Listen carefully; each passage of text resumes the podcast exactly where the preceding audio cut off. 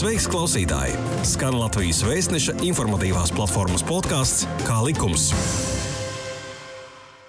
Sveicināti! Mani sauc Lidija Dārziņa, un mūsu saruna šodien būs par sociālo drošību. Latvijā apmēram 1 miljons iedzīvotāju saņem maksājumus no speciālā jeb sociālā budžeta. Tā galvenais ieņēmuma avots ir valsts sociālās apdrošināšanas obligātās iemaksas. Likums nosaka pienākumu veikt iemaksas, jeb, kā teica agrāk, maksāt sociālo nodokli. To maksā darba ņēmēji, darba devēji un pašnodarbināti. Atsevišķos gadījumos maksā valsts. Tāpēc arī pretī katram ir tiesības saņemt dažādus pabalstus, ja piemeklē slimība, zaudēts darbs, arī priecīgā notikumā, kad piedzimst bērniņš.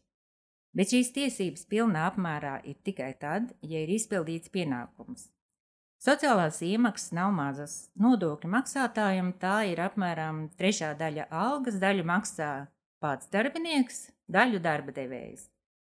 Taču pat ja mēs visu mūžu iztiekam bez pabalstiem, ja mēdzam teikt, mums tos nevajag, mūsu ieguldījums savai sociālajai drošībai nepazūd, jo cilvēks darba mūžā ar iemaksām krāj arī pensiju nākotnē. Par to, kāpēc ir svarīga līdzdalība sociālajā apdrošināšanā, saruna ar podkāstu kā likums viešņu valsts sociālās apdrošināšanas aģentūras direktori Inesi Šmitiņu. Labdien, Šmitiņas kundze! Labdien! Sāksim ar eh, jaunāko pieredzi varbūt. Šogad jaunā vīrusa dēļ cilvēkiem nācās pārkārtot savu ikdienu, daudzi zaudēja ienākumus, savukārt aģentūrai jums tika uzlikts pienākums papildu izmaksāt dažādas ārkārtas pabalstus. Vai jūs spējāt visus klientus apkalpot tā, kā to bija paredzējis likumdevējs? Jā, nu vispirms es sākšu ar to, ka Valsts sociālās apdrošināšanas aģentūra ir lielākā iestāde, kas valstī īsteno šo sociālās drošības politiku. Un pamatā ir sociālās apdrošināšanas pakalpojumi, bet bez tam arī ir valsts sociālajie pakalpojumi. Un, kā minējāt, tad eh, šādās krīzes situācijās arī tiek radīti speciāli mm, pabalsti, pakalpojumi, lai aizsargātu cilvēkus tādās neplānotās krīzes situācijās, kādu mēs pie, piedzīvojam šogad. Un eh, šīs krīzes ietekmē tātad aģentūrai eh, bija jāsāk izmaksāt seši pavisam jauni pakalpojumi, kas bija vērsti uz tādām mazāk aizsargātām iedzīvotāju grupām, Pamatā tātad tie bija cilvēki, kas krīzes situācijā, ārkārtējā situācijā zaudēja darba ienākumus, un viņiem valsts ieņēmuma dienas izmaksāja šo mm, dīkstāvus pabalstu. Un, ja šis dīkstāvs pabalsts nesasniedz noteikto minimālo apmēru, tad starpības sēdza valsts sociālās apdrošināšanas aģentūra.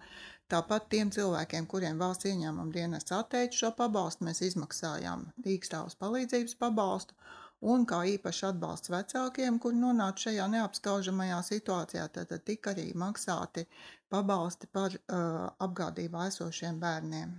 Daļu krīzes pabalstu, sauksim tos tā, ja tika pārskaitīt cilvēkiem uz kontu bez viņu pašu līdzdalības. Nekas nebija jādara, patiesniegums nebija jāraksta. Vēl ir vairāk pabalstu, ko jūs turpināt maksāt. Bet uh, ir bijušas arī situācijas, un LV portālam ir uzdot jautājumu, ka uh, cilvēks nav saņēmis nec dīkstāvus pabalstu, nec dīkstāvus palīdzības pabalstu. Vai ir bijuši daudz, tādi daudz gadījumi, kad arī aģentūra atsaka cilvēkam to tā kā rezerves drošības spilvenu, ja viņam nav bijis pietiekami sociālās drošības iemaksu, kad jūs iestājaties vida vietā? Nu, tātad mūsu gadījumā mums nebija jāvērtē cilvēku tiesības, ja mums vairāk bija jā, jā, jā, jārēķina šīs summas starpības, lai cilvēks saņemtu šo minimālo uh, ienākumu līmeni, ko viņam ārkārtējā situācijā valsts bija paredzējusi.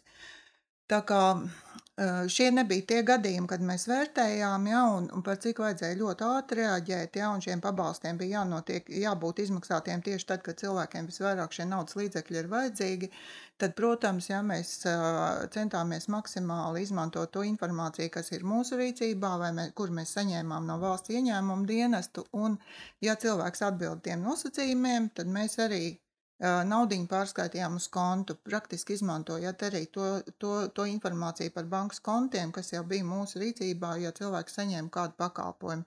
Tā kā uh, izpalika tas posms, lai cilvēkam būtu jāraksta iesniegums, ko mēs zinām arī krīzes laikā, tomēr bija cilvēkam grūti saprast, kā šo, ienāk, kā šo iesniegumu iestādē nogādāt. Visus tos pabalstus, kurus mēs tādā veidā varējām noteikt, kam pienākās, mēs arī izmaksājām. Protams, ir daļa pabalsti, ja, kur ir vajadzīgi cilvēku iesniegums. Tātad tika veikts izmaiņas likumos un radīt arī virkni pabalstu, kas ja tā varētu teikt, padarīja vieglāk pieejamus, ja, un, un tos pabalstus, kurus jau cilvēki saņēma. Tātad bezdarbnieku palīdzības pabalsts, kas turpinājās pēc bezdarba pabalsta saņemšanas laika, vai bērnu kopšanas pabalsta turpinājums, ko arī varēja ilgāku laika periodu saņemt. Pavisam jauns pabalsts tika radīts šis te jaunā speciālistu pabalsts. Nu, šie pabalsti cilvēkiem ir jāizsaka savu vēlēšanās, viņi saņemt, ja, un tātad tur ir vajadzīgi iesniegumi. Un šos pabalstus, šie nosauktie pēdējie, tad tie ir tie, ko jūs tur maksājat arī pašreiz. Jā, tie turpinās vēl uz Jā. attiecīgu periodu, kā cilvēkam šīs tiesības radās. Kā likums? Kā likums? Jā, tu klausies Latvijas Vēstneša informatīvās platformas podkāstu Kā likums? Tā Latvijā vidējā alga, no kuras tiek veiktas iemaksas, tuvojas tūkstotim eiro bet ir milzīgs skaits strādājošo, kuri, kuru sociālā apdrošināšana ir ļoti pieticīga. Jūs pirms aģentūra pirms diviem gadiem izsūtījāt vēstules jaunākajiem darba ņēmējiem līdz 42 gadu vecumam e, par viņu apdrošināšanas stāžu un par viņu iemaksām. Ja? Un, e, toreiz jūs teicāt, ka tas ir vēstījums par riskiem un vēstījums par aploksņa algām. Ja apmēram piektajai daļai šā vecuma grupas e, cilvēkiem tiek maksāts aploksņa algas. Ja. E, nu, tas bija vidvērtējums, ka, ka tā ir tā proporcija. Vai toreiz, kad jūs izsūtījāt šīs vēstules, vai jūs saklausījāt Kā jūs vērtējat teiksim, to reakciju? Vai sāk vairāk, vai kļuva vairāk maksātāji, mm -hmm. vai iemaksas e, sāk veikt no lielākām summām, vai arī pieņem zināšanai un atmet roku? Nu, jāsaka tā, ka jebkura informācija, jā, kas nonāk pie cilvēkiem, jā, un ja viņi viņā ieklausās, ir noderīga un kaut kādu rezultātu jau dod. Uh, Protams, ka šī situācija mainās uz labo pusi, bet nevarētu teikt, ka nu, kras, krasi uzlabojumi ir redzami. Es domāju, ka tieši šī ārkārtējā situācija labāk cilvēkiem lika saprast, kāda ir, kād, kādā situācijā viņi var nonākt. Ja, ja, ja, ja viņi līdz šim ir bijuši izvairījušies no šīs valsts nodokļu sistēmas, ja, vai darba devējs ir radījis šādu situāciju, ja, un kāds ir šis iznākums tajā situācijā, kad vajag kādu valsts palīdzību saņemt. Ja runājam par skaitļiem, tad tas proporcija mainās diezgan lēni, un šobrīd jāsaka, ka tas nav mazs procents, kas joprojām turpina veikt iemaksas no mm, ienākumiem, kas ir līdz minimālajai algai. Ja pagājušā gadā tie bija 9, 29%, tad tagad šī gada pirmajā ceturksnī tie bija 27%. Tā kā ja uzlabojums ir, bet mēs redzam, ka joprojām liels cilvēku īpatsvars ir ar uh, zemiem ienākumiem, no kuriem tiek veikta sociālās apdrošināšanas iemaksas. Un tas nozīmē, ka tie būs arī cilvēki ar uh, zemu valsts, valsts garantētiem pabalstiem. Jā, šī problēma agrāk vai vēlāk parādīsies, jā, un, būs, būs jāmeklē risinājumi, jā, kāda tad ir aizsardzība šiem cilvēkiem, kuri nu, nebūs nodrošinājuši sev šo pensiju kaut šī noteiktā minimuma ietvaros, jā, tad būs jāmeklē cita aizsardzības līdzekļi. Sociālās apdrošināšanas tiesība akti bieži tiek mainīti un e, ir izmaiņas, par ko cilvēki priecājas, viņiem kaut ko iet piešķir vairāk un parasti tā ir naudiņa, bet ir arī tādas, ko, ko sabiedrība saka, uz, uztver ļoti kritiski un pašreiz e, aktualitāte ir grozījumi likumā par apdrošināšanu maternitātei un slimībai, un tas saistīts ar to, ka e, būs spēkā no 1. septembra jaunas normas par kvalifikācijas periodu, lai kvalifikācijas periodu maternitātes, paternitātes un vecāku pabalstam. Tāpat kā tas jau ir kādu laiku slimības mm -hmm. pabalstam. Kāpēc izmantot izdevību, varbūt varat vēlreiz uh, paskaidrs, izskaidrot, kāpēc tāds uh, kvalifikācijas periods, tātad iemaksu veikšana trīs mēnešus vai sešus mēnešus ir nepieciešams. Nu, šeit ir jāatgādina, ka sociālajās apdrošināšanas sistēmas pamatprincips ir solidaritāte. Ja? Tātad es iemaksāju tajā brīdī, kad man nevajag šo pakalpojumu, lai būtu ko saņemt tiem, kuriem šajā brīdī šis pakalpojums ir nepieciešams. Tāpēc arī jebkurā sociālās apdrošināšanas sistēmā ir šis elements, ka ir jābūt noteiktu laiku tomēr bijušam sistēmas dalībniekam, kas nozīmē, ka es esmu veicis iemaksas, vai par mani ir veiktas iemaksas, ja, lai, lai nākotnē es arī e, iegūtu šīs tiesības saņemt kādu no sociālās apdrošināšanas pakalpojumiem. Tātad līdz šim šī prakse, nu tā pilnībā konsekventi šī apdrošināšanas perioda un iemaksas attiecās tikai uz valsts uh, apdrošināšanas pensijām. Uh, pēc tam jau 18. gadā šī norma tika attiecināta arī uz slimības pabalstiem, nu, un šobrīd tā tiek attiecināta arī uz jūs minētajiem valsts sociālās apdrošināšanas pabalstiem, kur lai cilvēki tomēr būtu arī kaut ko ieguldījuši šai sistēmā, ne tikai no viņas saņēmuši noteikti šīs prasības par minimālo iemaksu periodu, kādam ir jābūt, lai iestājoties apdrošināšanas gadījumam varētu saņemt šo pakalpojumu. Mums tāda īpaša grupa iedzīvotāji ir tātad vecāki, ja, un bērniņu gaidības ir pietiekoši ilgs laiks, lai vecāki padomātu arī par maksājumiem, ko valsts paredzējusi, ja viņi ir sociāli apdrošināti. -hmm. Jo valsts maksā pabalstus arī uh, cilvēkiem, kuri nav sociāli apdrošināti, bet tie ir daudz mazāki. Kam jūs ieteiktu pievērst uh, uzmanību, ja vēlas saņemt pieklājīgus, atbilstošus saviem ienākumiem pabalstus? Uh, tad, kad bērniņš nāk pasaulē? Ko saka jūsu speciālisti?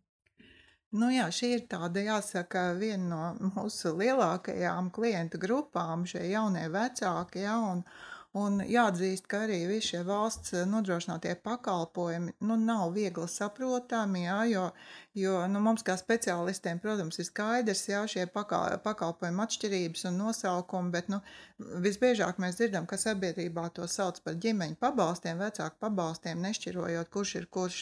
Tāpēc mēs neredz saskaramies arī ar situācijām, ka cilvēki pēc vairākiem gadiem attopās, ka viņi kaut kādu pabalstu varbūt nav saņēmuši, jo viņi vienkārši nav sapratuši, ja naudiņa iekrīt kontā, ja, un tikai parunājot varbūt ar kādiem līdzcilvēkiem, viņi saprot, ka kaut kādu pabalstu viņš nav pieprasījis un nav saņēmis. Ja. Līdz ar to ir ļoti svarīgi, ja, lai vecāki, tātad, nu, gaidot bērniņu, tomēr jābūt informēti par to, ja, kā, kas viņiem kādā secībā pienākās, ja, un kā viņi to var saņemt. Un ne tikai tā, tad likumdevējs ir radījis iespēju arī izdarīt izvēli gan mm, tā paša vecāka pabalsta saņemšanas ilgumā, no kur ir atkarīgs tad arī, cik liels šis pabalsts būs, kā arī izvēles starp abiem vecākiem, kurš saņems. Nu, un tajā brīdī, protams, ka vecākiem abiem ir jā, jāapsēžas un, un jāpakalkulē, kurš var atļauties šo periodu pavadīt ar bērnu, jā, kuram šie ienākumi ir bijuši augstāki, lai šis periods būtu finansiāli vairāk teiksim, nosakts. Ja? Tāpēc mēs cenšamies ar, ar dažādiem aprēķinu kalkulatoriem cilvēkiem piedāvāt iespējas, lai viņi paši parēķina ja? un paskatās vispirms saprot, ja? Kā viņi domā, un pēc tam, protams, konsultējas arī ar mūsu speciālistiem. Jo šeit tiešām nu, vecākiem, un jāsaka, ka jaunās māmiņas arī ir aktīvas, viņas diezgan labi saprot šo informāciju, un viņas arī labprāt savā starpā dalās ar šo informāciju. Tā kā nu, ir šai brīdī jākļūst nedaudz par grāmatvedu un pašam arī jāparēķina. Jo mēs nevienmēr varēsim cilvēku vietā izdarīt viņam to pareizāko izvēli, ja viņam pašam tā ir jāizdara. Mani ilgstoši mūsina tāds jautājums par paternitātes pabalstu. Jo mēnesī maternitātes pabalstā tad māmiņas saņem 20, ja es pareizi saskatīju statistikā jūsu 22, tu, 22 tūkstoši vecāku, vecāku pabalstu, mm. 22 tūkstoši, maternitātes 2 tūkstoši. māmiņas saņem, bet paternitātes pabalstu saņem tikai kādi 700, 800 tēvu. Tātad izmanto gan atvaļinājumu šo desmit dienu, gan saņem paternitātes Mhm. pabalstu. Kā, kā jūs domājat, kāpēc tas ir? Vienkārši tēvi nezina, ka viņiem tāda iespēja, vai arī eh, viņi varbūt domā, ka viņiem nepienākas tāds atvaļinājums, ja daudz vecāki nav, tas, nav precējušies, ja daudz Mhm. dzīvo šķirti, un tad varbūt uzskata, ka, nu, ja tāda situācija, tad, tad nevar prasīt šo pabalstu. Kā tur īsti ir? Nē, nu, protams, tas viens ir ģimenes apstākļi un kā ģimenē vienojās, jā, un, un apstākļi var būt dažādi. Jāņem vērā arī darba apstākļi. Ne visi vīrieši jā, var uz šo laiku izslēgties no darba, jā, un, un, un, un vienkārši darba apstākļu dēļ to nevar uh, realizēt. Bet, nu, neslēpsim, ka ir vēl viena problēma, ja, ka Latvijā ir ļoti daudz bērniņu, ja, kuriem tēva vietā ir svītriņi joprojām, ja, tā, tā, tāda informācija izskan, jā, un arī, protams, ka šai situācijā, jā, tas ietekmē šo statistiku, šos ciparus, jā. Tā kā, ja, ja vecāki interesējas, jā, mēs, protams, arī pasakām par šo iespēju tēviem izmantot, jā, un arī mūsu informācijā tā informācija ir pieejama, jā. Es vairāk domāju, ka tā varbūt ir tāda, nu, nu, vēl tradīcijas, jā, nav iestājušās, ka tēvam arī ir tāda atbildība par bērnu, jā, ka viņš varētu šo savu brīvo laiku veltīt tam, lai viņš būtu kopā ar bērnu. Kā likums? Kā likums? Jā, tu klausies Latvijas Vēstneša informatīvās platformas podkāstu Kā likums? ārkārtas situācija bija cilvēki aktīvāk sāka izmantot eh, attālinātos pakalpojumus, turklāt bija spiesti to darīt, ja, un eh, aģentūra man šķiet bija viena no tām iestādēm, kur šādai situācijai bija gatavāka nekā citas iestādes, tāpēc, ka es pareizi atceros, ka jūs jau pirms desmit gadiem, gandrīz pirms desmit gadiem sākāt eh, piedāvāt eh, elektroniskos eh, pakalpojumus portālā Latvija LV, kas saucēja pakalpojumi. Ne, Varbūt varat pateikt, ku, kāds ir tendences un uz ko mēs virzāmies šajā, Mhm. šajā ziņā. Nu, šeit atkal jāsaka, ja kā ārkārtējās situācijas laiks mums ļoti palīdzēja, jā, lai mēs cilvēkus pamudinātu izmantot šos elektroniskos pakalpojumus. Ja, jo, jo līdz šim, nu, ja cilvēki nebija pamēģinājuši, ja viņi gāja ierasto ceļu, vieglāk ir aiziet uz nodaļu, ja mūsu klientu apkalpošanas centru iesniegt šo iesniegumu, ja, bet uh, ārkārtējās situācijas laikā parādīja, ka tā iespēja ir un cilvēki arī viņu izmanto. Tātad būtiski pieaug šo elektronisko pakalpojumu izmantošanas gadījumu skaits. Mēs bijām pietiekami elastīgi, lai mēs pieņemtu ne tikai šos te jūs minētos portālā elektroniskos iesniegumus, bet arī dokumentus, kas parakstīti elektroniski brīvā formā šis iesniegums, vai ir arī tāds universālais iesniegums portālā, kur var vienkārši pievienot savu iesniegumu personu klāt. Tātad praktiski šis e- elektroniskais kanāls mums ļoti, ļoti palīdzēja šai laikā. Nu, un otrs, protams, ka bija, par cik nevienmēr eh, visi pakalpojumi aprobežojās tikai ar iesniegumu iesniegšanu, cilvēki ļoti vēlas uh, konsultēties. Nu, šeit pamatīgi slodzi mūsu kontaktcentram bija zvanu centram, dienā apmēram tūkstotis zvanus mēs saņēmām, ja. Tātad tie, kuri nevarēja atnākt klātienē, jo mēs arī nestrādājam, nepieņēmām klātienē apmeklētājus, mm, zvanīja telefoniski un saņēma sev nepieciešamo informāciju. Un tad, kad mēs jūnijā atsākām apkalpošanu, tad, protams, šie cilvēki, kuri eh, šos pāris mēnešus jā, tā tad nebija varējuši nokārtot ar savu pensiju saistītos jautājumus, iesniegt dokumentus un tā tālāk, mēs redzējām ļoti lielu pieplūdumu arī eh, tie, kas nāca pie mums klātienē. Bet uh, es ceru ļoti, ja, ka tie, kuri ārkārtējās situācijas laikā pamēģināja šos e-pakalpojumus, ka viņi turpmāk vairs nevēlēsies tērēt savu laiku un nākt uz klientu apkalpošanas centriem, ka viņiem šīs prasmes būs un viņi turpinās arī izmantot šos elektroniskos kanālus. Es saprotu, ka to, kādā veidā var sazināties ar aģentūru, var uzzināt uh, jūsu mājaslapā. Jūs minējāt tos tūkstošus zvanus dienā, ko saņēma jūsu klienta uh, kontaktcentrs, zvanu centrs. Ja? Uh, kādas vēl ir tās uh, nu, populārākās iespējas, kā es varu uzdot jautājumu? Jo man liekas, ka zvanu pa telefonu cilvēku nevienmēr visu uzreiz, vismaz jautātājs visu uzreiz var saprast, ko Mhm. viņam īsti pasaka. Kaut gan jūsu speciālisti ļoti kompetenti.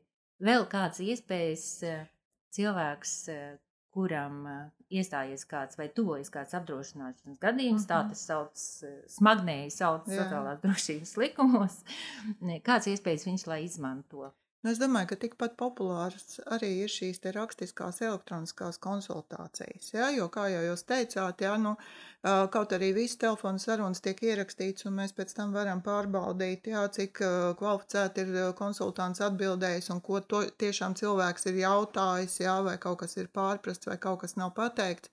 Tad ļoti daudz izmanto arī to pašu kontaktcentru, kur atbild rakstiski uz e-pastā saņemtiem jautājumiem. Un tur jau mēs varam izsmeļošāk atbildēt, jā, konkrētāk uz cilvēku jautājumu, norādīt avotus, kur viņš vēl var meklēt informāciju. Tā kā arī šie pakalpojumi kļūst ar vien pieprasītāki, un man ir arī prieks, ka mūsu darbinieki atbild ļoti ātri, jā, par ko mēs tiešām arī saņemam no, no, no klientiem pozitīvas atsauksmes, jā, ka, ka tas nav tikai pajautāju atbildēju, ja cilvēks vēlreiz jautā, viņam vēl precizēja, ja pēc tās atbildes, ja tā ir jau tāda gandrīz vai pilnvērtīga saruna tikai rakstveidā. Tā kā iespējas saņemt informāciju ir, jā, mūsu vēlme būtu tiešām, lai cilvēki jautātu, jā, lai, lai tad, nevis tad, kad jau ir noticis kaut kas nepatīkams, bet jau iepriekš, ja interesētos par savu situāciju un uzdot šos jautājumus. Vai es varētu vēl uzdot vienu jautājumu? Esmu novērojis, ka e, Sociālās apdrošināšanas aģentūra ir e, viena no tām iestādēm, varbūt starp citu pat vienīgā, kura labprāt uh, informē cilvēks par to, ka viņi var saņemt arī uzziņu. Tas ir ārkārtīgi atbildīgs, juridiski sarežģīts darbs, bet uh, jums arī ir uh, labi, la, laba informācija par to mājaslapā ielikt, kādā veidā to uzziņu Mhm. var saņemt un kādas tam ir sekas. Kā jūs uz to skatāties, kad jāizmanto būtu šis gadījums, vai tādu uzziņas prasījumu ir, ir daudz? Es neteikšu, ka daudz, bet ir, un, un cilvēki to izmanto. Nu, droši vien varbūt vairāk arī cilvēki, kuriem pašiem ir juridiska izglītība, kur labāk izprot šīs uzziņas, jā, šo statusu, jā, un kādas sekas tas rada. Jā. Es domāju, ka tas ir ļoti vērtīgi, jā, jo likumi ir sarežģīti, jā, un līdz ar to tāda uzziņa cilvēkam tiešām jau dod visus likuma pamatojumus, ja mūsu izklāstot, ja kāpēc tā viņa situācija veidojās tāda, un cilvēkam ir labāk pirmkārt izprast, ja, un, un nu, viņš jau jūtās drošāk, ja, saņemot šo uzziņu, ja, bet ir gluži atkal pretēji tendence, kurā mēs nevēlot, nevēlamies sniegt šīs uzziņas, ja, Nu, tā pati bērna dzimšanas situācija. Bērniņš vēl nav dzimis, jā, un cilvēks jau vēlas šo savu situāciju jau tādā tiesiskā izklāstā. Jā. Nu, tur var būt pēc tam izmaiņas un nianses, jā, līdz ar to mēs cenšamies uzziņas sniegt tiešām jau tādu situāciju, kas ir skaidrs fakti, uz kuriem mēs varam balstīt šo iespējamo lēmumu. Es vēlreiz gribētu atgriezties pie um, 1. septembra maternitātes, paternitātes un vecāku pabalstu, eh, jo likumdevējs nosakot eh, šādu kvalifikācijas periodu, kā pirms tam slimības pabalstam, ir eh, tātad domājis un mudinājis cilvēkus būt solidāriem ar tiem nodokļu maksātājiem, ka šīs iemaksas veids regulāri ilgstoši arī no, no lielām, lielām, lieliem ienākumiem, lielām atlīdzībām un šīs iemaksas pilda e, sociālo budžetu. Kāds, kāda pašreiz ir situācija sociālajā budžetā? Jautāju, tāpēc, ka e, valstī bija neparedzēti un negaidīti tēriņi, daudz tēriņu, un jūs Mhm. maksājāt daudz, daudz e, naudas un pabalstus. Vai sociālais budžets kaut kādā veidā no tā cieta? Nu, es gribētu teikt, ka tie speciālie ārkārtējās situācijas pabalsti, tad arī tiem bija piešķirts uh, finansējums ja, no, no, no šiem mērķētiem līdzekļiem. Bet uh, ietekme, protams, bija arī uz sociālās apdrošināšanas pakalpojumiem un budžetu. Uh, ja uh, situācijas sākumā mums, mēs bijām ļoti bažīgi, ja, kā tas ietekmēs budžetu un mūsu spēju pildīt saistības par jau esošiem pakalpojumiem, tad šobrīd mēs varam teikt, ka faktiski šī ietekme nav bijusi kritiska. Jo gada sākumā uzkrātais atlikums kritās šajā krīzes periodā tikai par 200 tūkstošiem eiro, kas pēc būtības ir ļoti neliels kritums. Tas, kas varbūt rada tādu lielāku problēmu, ka vairāk nekā plānots auga izdevumi, izdevumi auga pamatā, kā mēs zinām, bezdarba pieauguma rezultātā un arī slimības pabalstu pieauguma rezultātā. Šajos divos apakš budžetos, ja tā var teikt, ja mēs redzam, ka plānotie līdzekļi nebūs pietiekami, mēs varam veikt gan pārdali savstarpēji šī te sociālās apdrošināšanas budžeta ietvaros starp pozīcijām, gan arī tātad tiek plānots, ka gada beigās būs nepieciešams neliels izdevuma palielinājums bezdarba pabalstu izmaksai, bet tas notiks uz šo līdzekļu, uzkrāto līdzekļu atlikumu rēķinu, tātad nebūs jāmeklē jauns finansēšanas avots. Kā likums? Kā likums? Jā, tu klausies Latvijas Vēstneša informatīvās platformas podkāstu Kā likums? Sakiet, lūdzu, kas attiecas uz to, kā cilvēki var noskaidrot aģentūrā teiksim, savas tiesības uz pabalstiem vai tiesības uz pensijām situācijās, kad eh, viņi strādā Eiropas Savienībā, strādā tātad Latvijā un citā Eiropas valstī vai ģimenē ir, ir dalīti, atrodas šeit un citur. Vai tādu jautājumu, kas attiec uz pārobežu situācijām, jo vairāk mēs tagad aicinām uh, savus cilvēkus atpakaļ, ir daudz un vai, teiksim, tie darba emigranti, kā es viņus dēvēju, atgriežoties mājās, vienalga no, no Anglijas, no īrijas, no, no citurienes, arī var vērsties uh, sociālās apdrošināšanas aģentūrā un uzdot tos pašus jautājumus par uh, savu pabalstu iespējamo, par, par savu iespējamo pensiju un par tādām lietām. Ja viņiem, teiksim, ar Latviju pēdējos gados ir bijis mm -hmm. maz sakars. Jā, nu, jāsaka, šo klientu lokus ar katru gadu aug arvien plašāks, un šīs situācijas nav vienkāršas, jo, jo cilvēkam šīs tiesības izriet no Eiropas Savienības tiesību aktiem, kur notiek šo sociālās drošības normu koordinēšana, un tāpēc katram pakalpojumam šie nosacījumi varētu būt ļoti atšķirīgi. Tāpēc ir ļoti svarīgi, ka cilvēks zina ne tikai, kur Latvijā griezties šajos jautājumos, bet viņam arī jāzina šīs te nodarbinātības valsts iestādes, ar kurām kontaktēt, jo mēs paši arī sazinamies un apmainamies ar informāciju, bet bieži vien tā tad arī pašam cilvēkam ir kaut kādi jautājumi jākārto, ja, un attiecīgi tā tad jāsazinās ar tās valsts uh, iestādi. Uh, Katram pakalpojumam šie nosacījumi ir atšķirīgi, tāpēc ir jāinteresējās konkrētā gadījumā, ja kas interesē bezdarba pabalstam būs vieni, tad ir šie valsts, kas nav apdrošināšanas pabalsti, ja, tātad, kur ir svarīgi tātad šī dzīves vieta, tur būs atkal cita situācija, jo tie ir tie problemātiskie gadījumi, ar kādiem mēs saskaramies, ja, kad, kad uh, bērns ir starp abiem vecākiem, ja, kurš tad īsti, kurā vietā, kurā valstī tad viņš uzturās.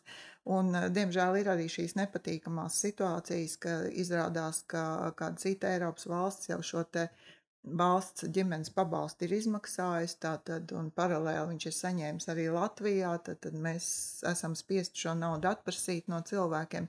Tāpēc ir jābūt ar šīm lietām cilvēkiem diezgan pašiem informētiem un uzmanīgiem, lai nebūtu nepatīkami pārsteigumi. Bet arī par šiem jautājumiem mēs noteikti konsultējam jā, par katru konkrēto gadījumu.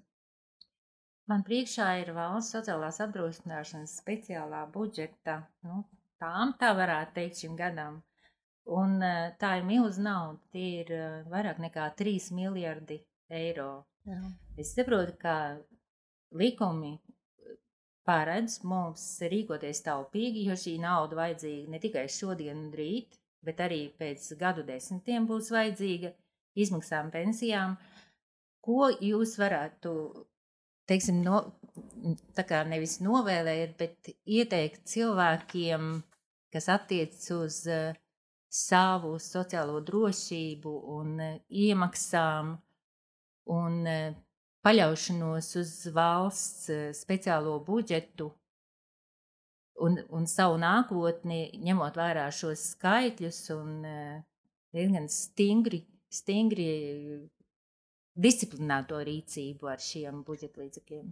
Nu, no vienas puses, mēs, protams, vienmēr sakām, jā, ka valsts sociāla apdrošināšana ir arī katra cilvēka atbildība, jā, bet tai pašā laikā tā ļoti lielā mērā arī ir valsts atbildība, jo tā ir valsts organizēta sistēma, un tātad šodien ir likumi, kas dod tiesības cilvēkiem paļauties uz to, ka viņiem šis sociālais nodrošinājums būs, jā, atbilstoši tam, kā viņi šodien ir veikuši šīs iemaksas. Jā. Tātad, nu, valsts uzdevums ir nodrošināt to, lai šīs rezerves tanī brīdī, kad šie cilvēkiem pakalpojums būs vajadzīgs, tātad šīs saistības tiktu izpildītas. Uh, šodien ir grūti skatīties uz priekšu un prognozēt, jā, kurš būs tas laika periods, kad būs jāmeklē kāda cita risinājuma. Mēs zinām, ka ļoti daudzās valstīs daļai šo sociālās apdrošināšanas sistēmu dotē arī valsts budžets. Ja? Šobrīd, paldies Dievam, mēs esam situācijā, ka mums veidojās un stabili ir šie līdzekļu uzkrājumi, kas palīdz tikt pāri šādām krīzes situācijām. Bet uh, es domāju, ka paļauties tikai uz sociālās apdrošināšanas sistēmu jau šobrīd vairs, uh, nu, teikšu tā, nav moderni. Ja? Katram jaunam cilvēkam ir jādomā par savu privātu apdrošināšanu, jādomā par papildus apdrošināšanas vēl dažādiem veidiem, jo, jo tikai ar valsts nodrošinājumu nu, ir jārēķinās, ka tas nebūs ļoti dāsns. Bet, lai nonāktu līdz uh, nu, vēlamai pensijai, Tātad par to nevar sākt domāt desmit gadus pirms pensijas. Tas ir jāsāk domāt jau no pirmās darba dienas. Inesē Šmitiņai, Valsts sociālās apdrošināšanas aģentūras direktorei, par eh, redzējumu un skaidrojumu par to, kā darbojas sociālās drošības sistēma Latvijā un kāda nozīme ir mūsu katra iesaistē, katra līdzdalībai sociālo iemaksu veikšanā. Šī bija iknedēļas pusstunda kopā ar oficiālā izdevēja Latvijas vēstneses informatīvās platformas podkāstu Kā likums. Pastāsti citiem, ja bija noderīgi un interesanti. Kā likums, tiekamies ik trešdienu!